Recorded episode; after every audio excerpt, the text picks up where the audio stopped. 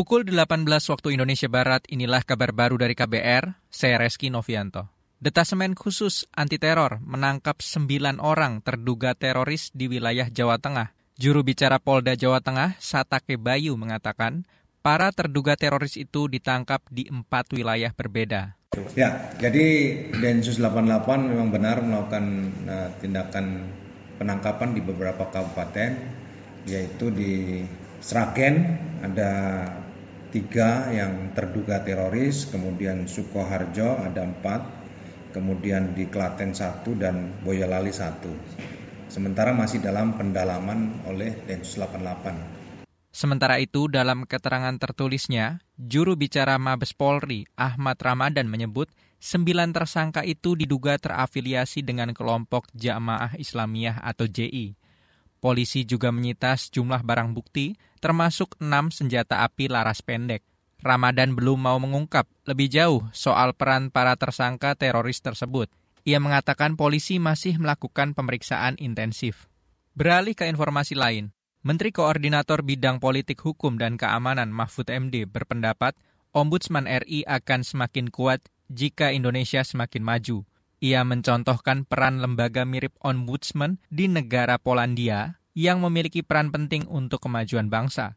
Itu disampaikan Mahfud dalam acara penganugerahan predikat kepatuhan standar pelayanan publik yang digelar Ombudsman RI di Jakarta hari ini. Di Polandia misalnya, Ombudsman itu sangat powerful. Pemerintah main-main bisa dipanggil Ombudsman, Perdana Menteri sekalipun, Menteri sekalipun ditegur dan diberi perintah khusus untuk mengubah kebijakan.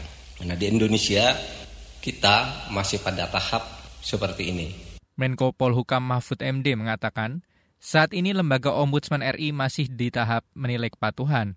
Mahfud berharap ke depannya Ombudsman RI akan menjadi lembaga yang kuat. Ia juga ingin agar seluruh penyelenggara pelayanan publik dapat melaksanakan dan memahami standar pelayanan publik untuk kualitas yang lebih baik. Kita ke informasi lain. Kapolri Listio Sigit Prabowo melantik sejumlah pejabat baru di lingkungan Polri.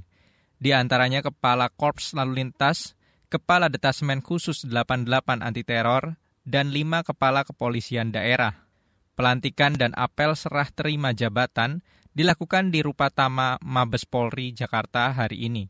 Dikutip dari Antara, jabatan Kepala Kakor Lantas kini disandang Aan Suhanan yang sebelumnya menjabat Direktur Penegakan Hukum Korlantas Polri.